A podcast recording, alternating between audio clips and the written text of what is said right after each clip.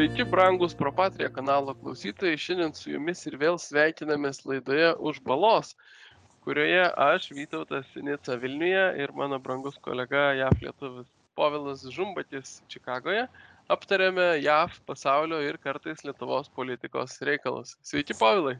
Sveiks, Vytautai, kalbant apie sveikatą, kaip tavo sveikata? Mano sveikata ne pati geriausia, bet pakilime, patruputį taisausi sveikstu. Ačiū, ačiū, kad rūpinatės. Dabar ir klausytojai pasirūpins. E, iš tiesų turbūt privalom kalbėti apie tai, kas yra ryškiausio tarptautinės politikos e, scenoje ir ryškiausia ten yra e, Izraelio Palestinos konfliktas. Spalio 7 dieną įvyko milžiniškas teroro išpolis Hamas organizuotas Izraelio teritorijoje pareikalavęs apie pusantro tūkstančio Izraelio gyventojų gyvybių.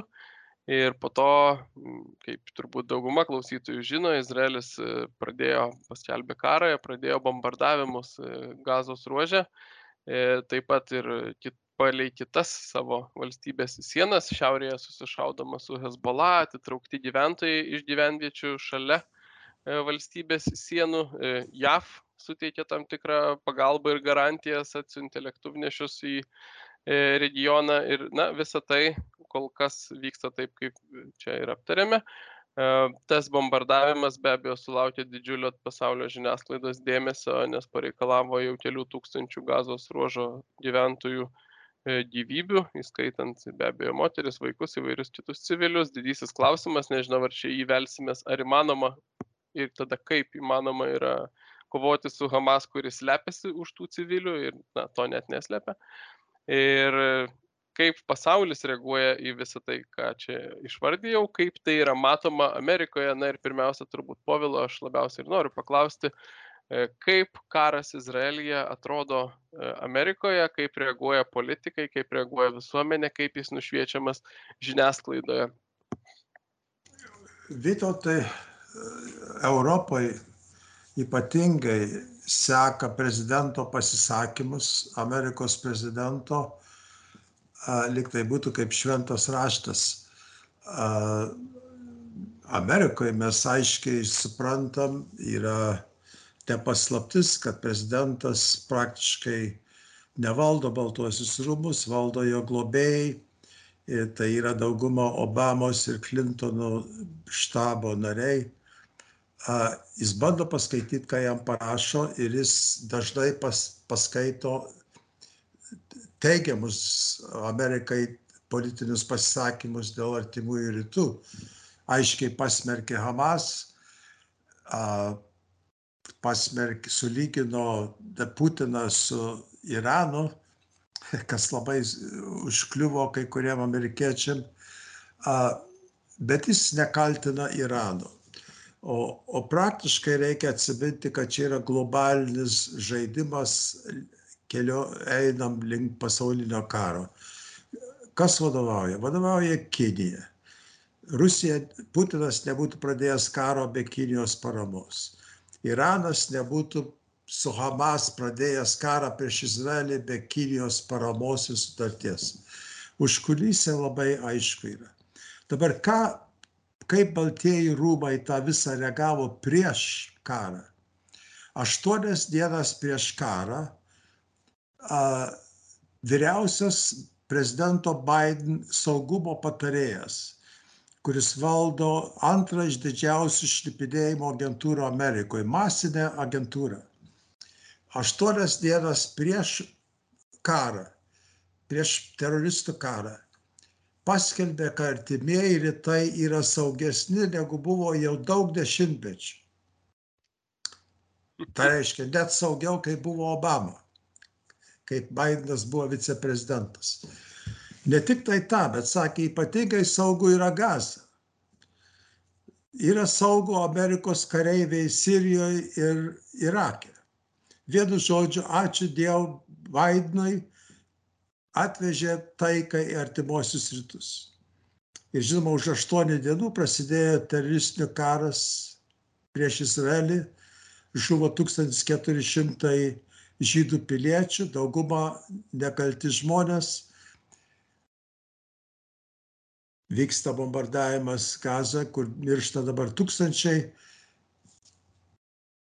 Vakar, šiandien kalbam 27 spalio, vakar amerikiečiai pagaliau reagavo, kad juos užpolinėja, jų kariuomenę užpolinėja Sirijoje, kur amerikiečiai turi 900 karių ir turi 2,5 tūkstančių karių Irake. Virš 20 kartų buvo užpulti įvairių Irano teroristinių organizacijų. Hamas nėra vienintelė Irano teroristų organizacija. Sužeisti virš 30 amerikiečių, vienas negyvas. Tai pagaliau Bidenas pasiuntė Amerikos aviaciją vakar, du lėktuvus ir subombardavo Irano teroristų porą bazių ne kariuomenės bazės, bet sandėlius. Parodė, kad Amerika netoleruos, kai jų kareiviam yra pavojus. Bet čia parodo, koks yra nesusipratimas viduj Baltųjų rūmų. Kai Sullivan, kuris buvo paskirtas į labai labai svarbią tą saugumo poziciją, kodėl jis buvo paskirtas. Ir čia yra tipiška Biden demokratų valdžios procedūra.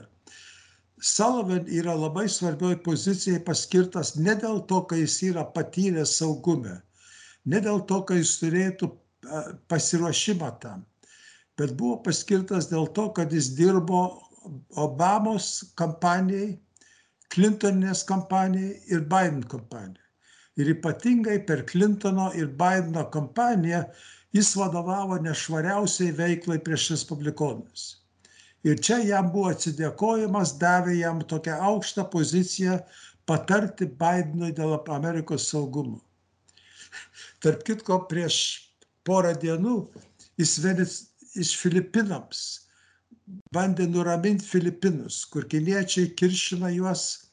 Ir dabar kelis kartus su laivais bandė sutrukdyti Filipinų laivus, kurie vežė maistą savo kariuomenės daliam, daliniam vienoj mažoj saloj, šimtą mylių nuo Filipinų jūros kranto.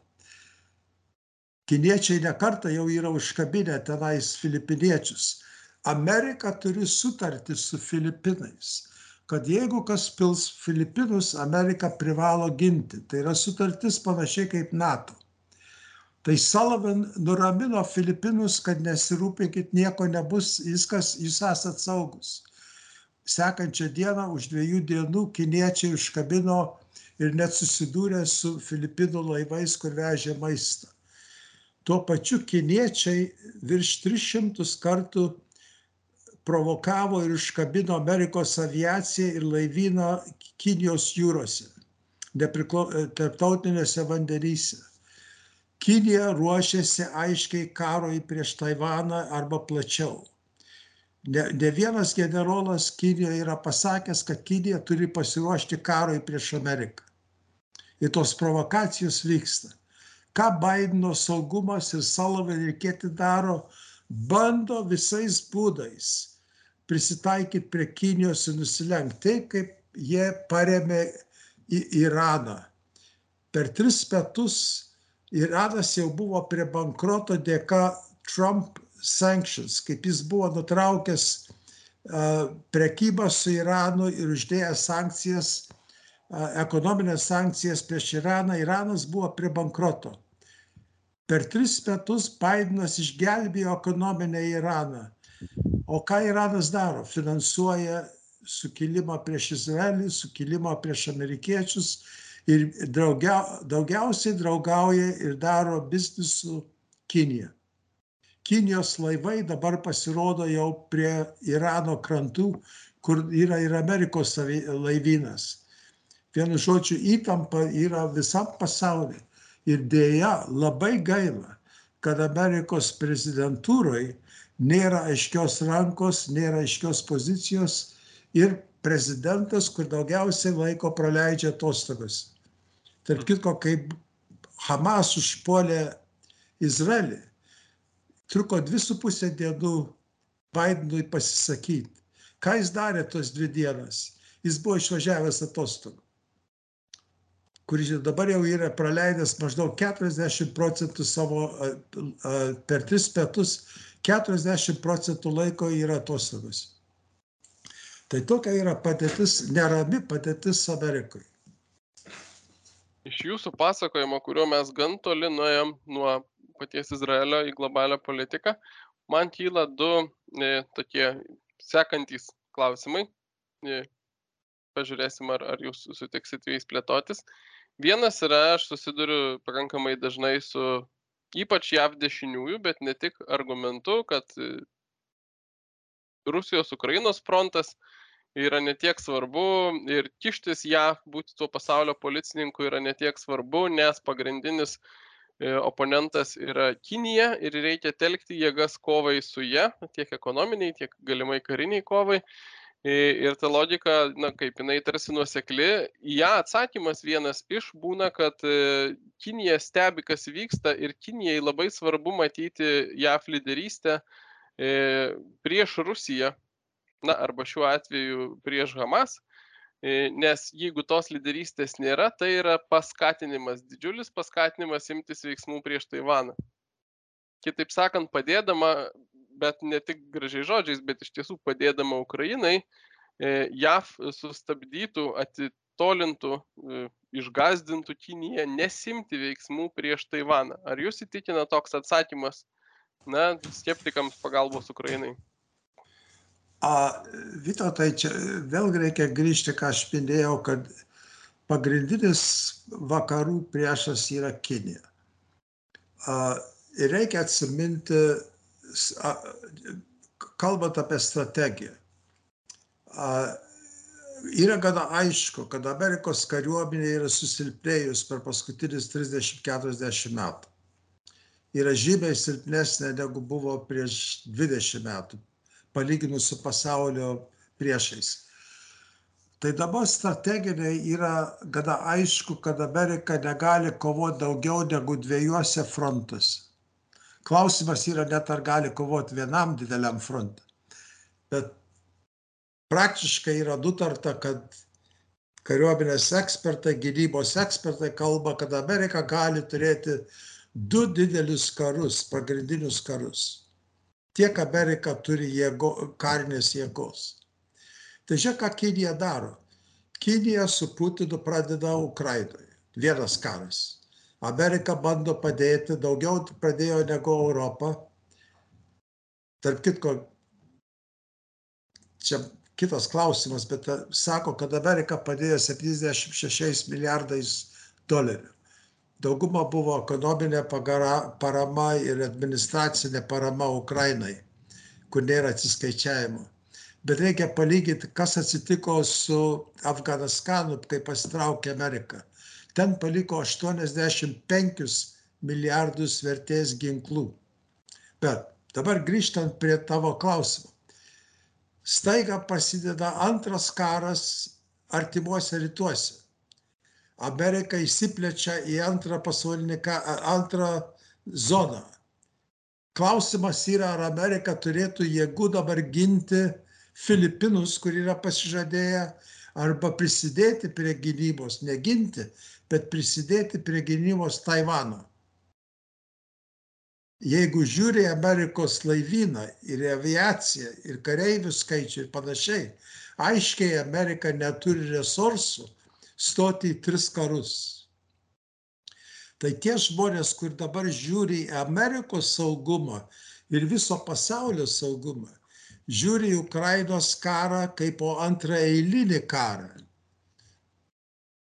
mum lietuviam aišku tas yra ne, neramu, kadangi Rusija yra per arti Lietuvos. Ir mes suprantam, kaip svarbu yra išlaikyti Ukrainą. Amerikiečiai žiūri globaliai ir mato, kad jeigu būtų karas Azijai, amerikiečiai nebeturi resursų. Ir Kinija tą labai gražiai žaidžia. Užtat aš minėjau prieš tai kalbėdamas, kad reikia viską žiūrėti ne į Hamas, ne į Putiną, bet žiūrėti į Či ir Kinijoje Ir net kaip jis dabar perorganizuoja savo gynybą. Vienas po kito gynybos aukšti generolai dinksta. Vieni nusižudo, kiti išeina į pensiją kabutėse, kiti į kalėjimą. Vyksta persiorganiz, rimtas persiorganizavimas gynybos viršūnė Kinijoje. Ir tas turėtų būti visam pasaulyje neramumas. Tai Amerika, kadangi turi įsig... yra įsivėlus globaliniai, žiūri į tie žmonės, kur supranta Amerikos padėtį, žiūri į Ukrainą ir artimuosius rytus iš globalinio taško ir sukelia didelę, didelę deramą. Kitas klausimas, kuris man kilo klausant pirmojo jūsų pasisakymo, e, buvo apie lyderystę. Jūs, aišku, kalbėjote apie Bideno kaip po lyderystės krizę. Aš prisiminiau atstovų rūmus ir ten trukusius e, respublikonų daugumos lyderio paieškas ir tuo, kuo jos galiausiai baigėsi. Ar jūs turėtumėt kokį nors komentarą apie naująjį speakerį atstovų rūmose, todėl kad Lietuvai tai yra tikrai na, naujas ir nepažįstamas politikas ir aš šiek tiek susidariau įspūdį, kad gal ir JAF nacionaliniu mastu panašiai yra. Ar ne? Jo, jis, jis yra nepažįstamas plačioje Amerikų visuomenė. Mike, Michael Johnson yra krikščionis konservatorius, ir po daug ginčių atstovų rūmus ir respublikonų komandai gavo vienbalsį pasitikėjimą, kas buvo visiems surprizas. Jo politika, kaip jis išdėstė dabar per porą pasirodymų, yra rimta konservatorių, proamerikoniška, jis yra prieš Putiną, jis yra prieš Čį, jis yra prieš Iraną, jis yra už Ameriką. Aš manyčiau, kad jis galės suvienyti respublikonų komandą, kas yra labai svarbu. Reikia atsiminti, kad Amerikos yra trys valdžios skyriai - yra prezidentūra, teismai ir kongresas. Kongresas yra iš dviejų dalių.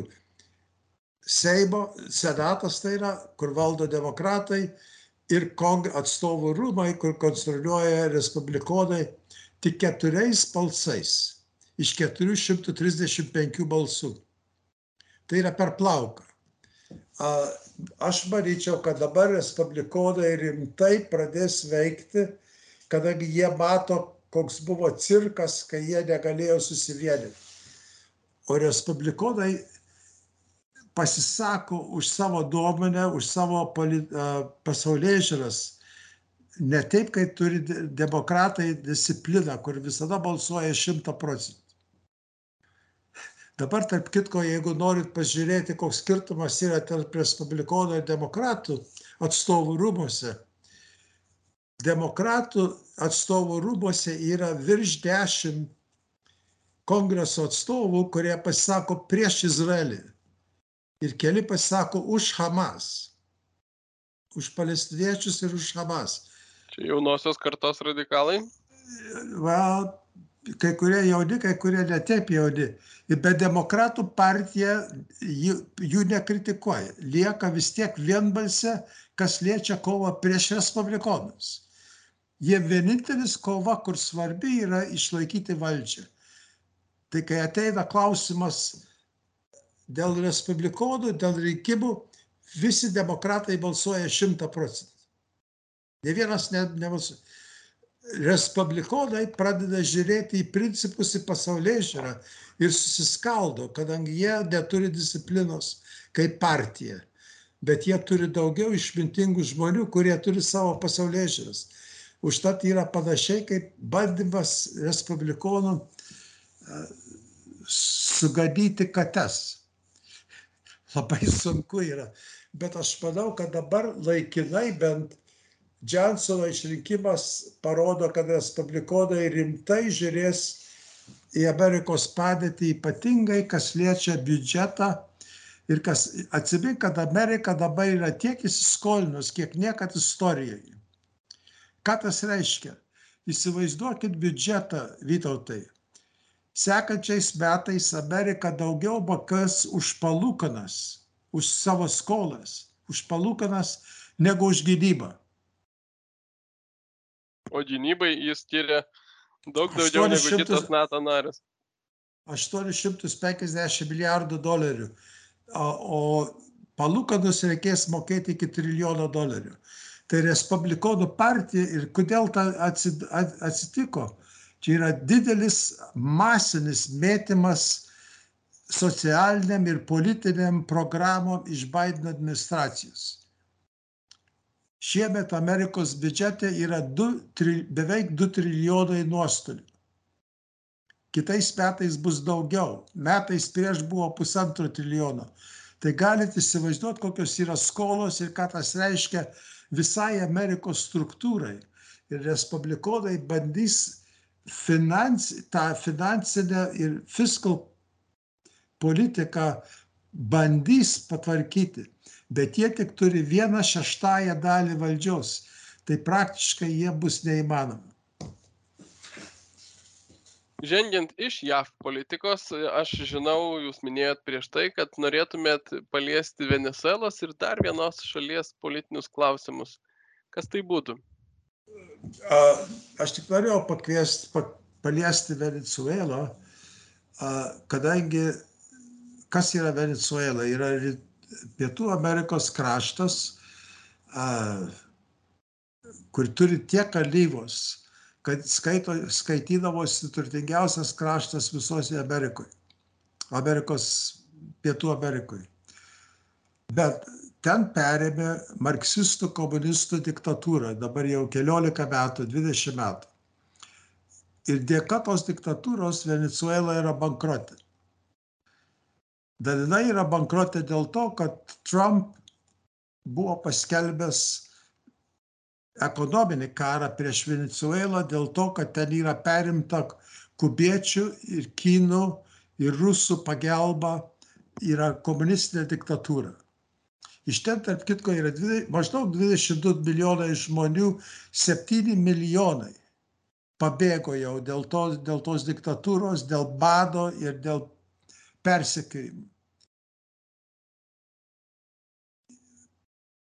Respublikonų ir Trump politika buvo nuversti tą komunistinę valdžią, atstatyti demokratiją, kadangi ekonominiai ir kitais atžvilgiais labai svarbus kraštas Pietų Amerikoje.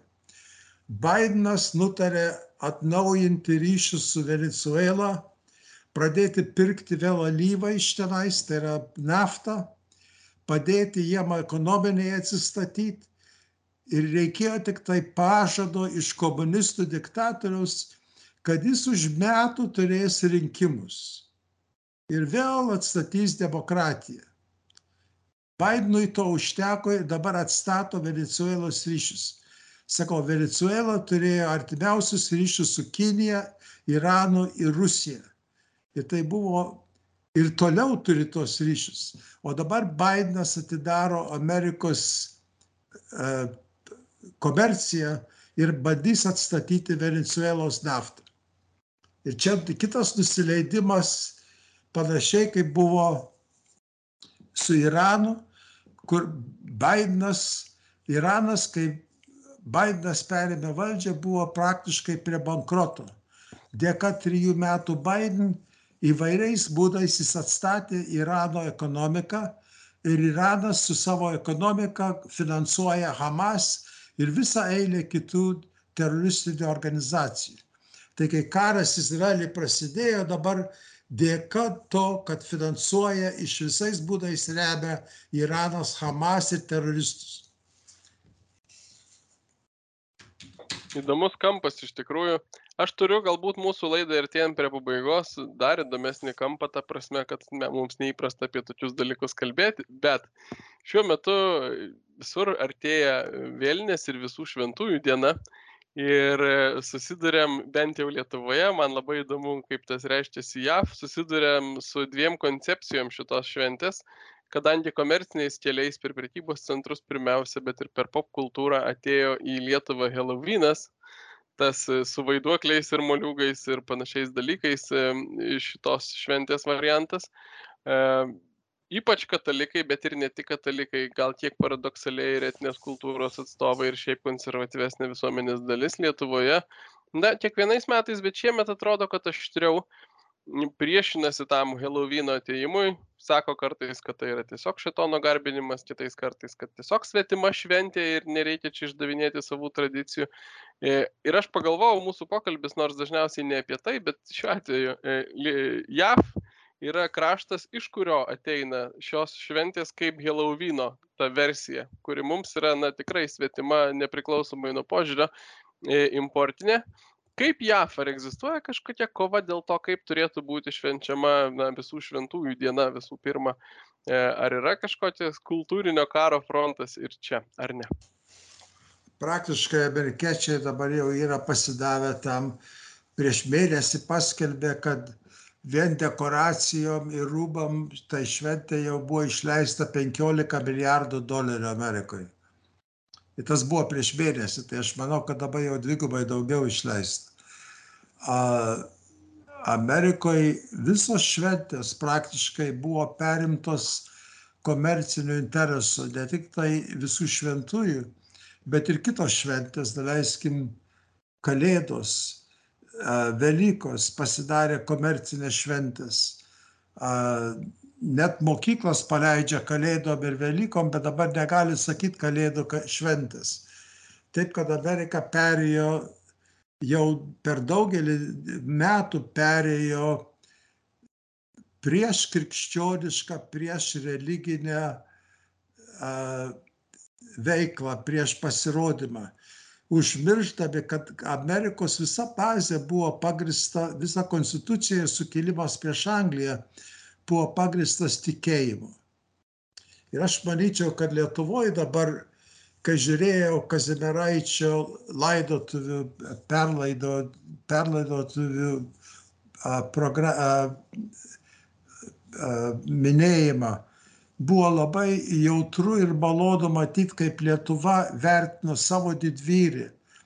Ir atsimink, šalia jo palaikų rasta 30 kitų, kurie buvo nužudyti, žiauriai kankinti. Aš manau, kad Lietuvai yra būtina prisiminti savo žmonės, savo nukankintus žmonės, visų šventųjų diena yra labai labai tinkama diena tam. Ačiū, Povilai, iš tikrųjų, na, dosnus likimas, Dievas, tai mes abu tikintis ir tikrai, sakysim, Dievas dosnus šitomis radybomis Lietuvai e, laisvės kovotojų, kurie ilgus metus, štai Kazimiraitis, bijau sumeluoti, virš 70 metų buvo nežinoma jo žūties palaikų, palaikų vieta. Ir tai, kad randame vis tai sukilimo vadų, tai partizanų, tai kitų laisvės kovų dalyvių palaikus, galime juos garbingai palaidoti. Kartais, nors e, politikams ir susigūžus, bet parsiskrandiname tokių žmonių kaip Brazaičio palaikus ir palaidojame Lietuvoje. Ir kad irgi kiek man yra žinoma e, tai su tam tikrais pasipriešinimais ir spurdėjimu bet net ir lrt galiausiai ryžtasi transliuoti tuos dalykus ir kažkiek parodyti visuomenei. Nežinau kokiu mastu bet kažkuriuo mastu vis dėlto jie žmones pasiekia pasiekia ir jaunus žmones ir duoda teigiamą impulsą leidžia suprasti vis dėlto kas yra aukos kančios pastangų dėl aukštesnių idealų ne, vien dėl savęs prasmė ir tas toks vaizdinys, pavyzdys, kuriuo galima sekti. Aš manau, kad tai yra reikalinga ir aš ramus dėl to, kad ir jūs su manim šitoje vietoje sutinkate. Linkim mūsų brandiems klausytojams e, ramių, taurių, e, visų šventųjų ir vėlinių dienų. E, pabūkite su savo artimaisiais, tiek gyvais, tiek ir mirusiais. Ačiū visiems, kas mūsų klausėt. Ačiū Povilui už buvimą su mumis, už mintis ir išvalgas. Ir iki kitų kartų. Iki.